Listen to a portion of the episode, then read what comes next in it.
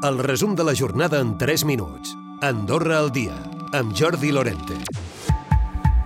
Els actes farmacològics ja s'inclouen en el règim del tercer pagador per a les persones més grans de 65 anys. El procediment contempla un control exhaustiu dels fàrmacs dispensats. El Ministeri de Salut admet possibles incidències aquests primers dies de funcionament, però assegura haver treballat correctament el protocol amb totes les parts.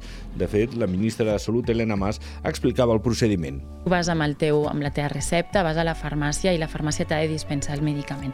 En cas de que aquest medicament hi hagi un una posologia on hi hagi diverses eh, lliuraments d'aquest medicament, doncs haurà de portar el tiquet de les altres vegades que tu has adquirit aquest medicament. Tot i que és, una, és un procediment que segurament doncs, eh, potser en els principis pot tindre algunes dificultats, de ben segur que eh, entrarà en funcionament correctament. I d'altra banda, des del col·lectiu de la gent gran se celebra la culminació d'un sistema que va començar fa més de 4 anys amb les consultes del metge referent. El president d'aquesta federació dels padrins és Félix Zapatero. A través de negociacions que han durat bastant, al final lo hem aconseguit.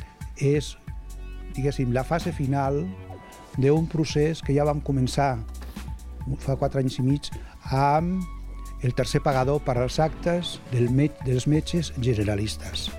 El cas Rubiales ha posat en l'agenda mediàtica la problemàtica de l'assetjament sexual i per raó de gènere a la feina.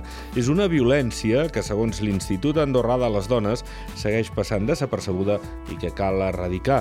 La secretària general d'aquest institut és la Montserrat Ronxera. En situacions que són intolerables, és que la paraula inacceptable em sembla massa fluixa. Insisteixen que cal incentivar les denúncies i avancen que aviat podrien sortir a la llum casos d'aquest tipus en l'àmbit esportiu. També assenyalen que aquesta discriminació no és l'única que pateixen les dones en l'àmbit laboral. Aviat volen tenir, per cert, enllestit un protocol d'actuació per a les empreses. I pel que fa a l'avortament, la pròpia Montserrat Ronxera destaca que cal despenalitzar-lo per garantir els drets sexuals i reproductius de les dones. Des de l'Institut es defensa que sigui lliure i gratuït.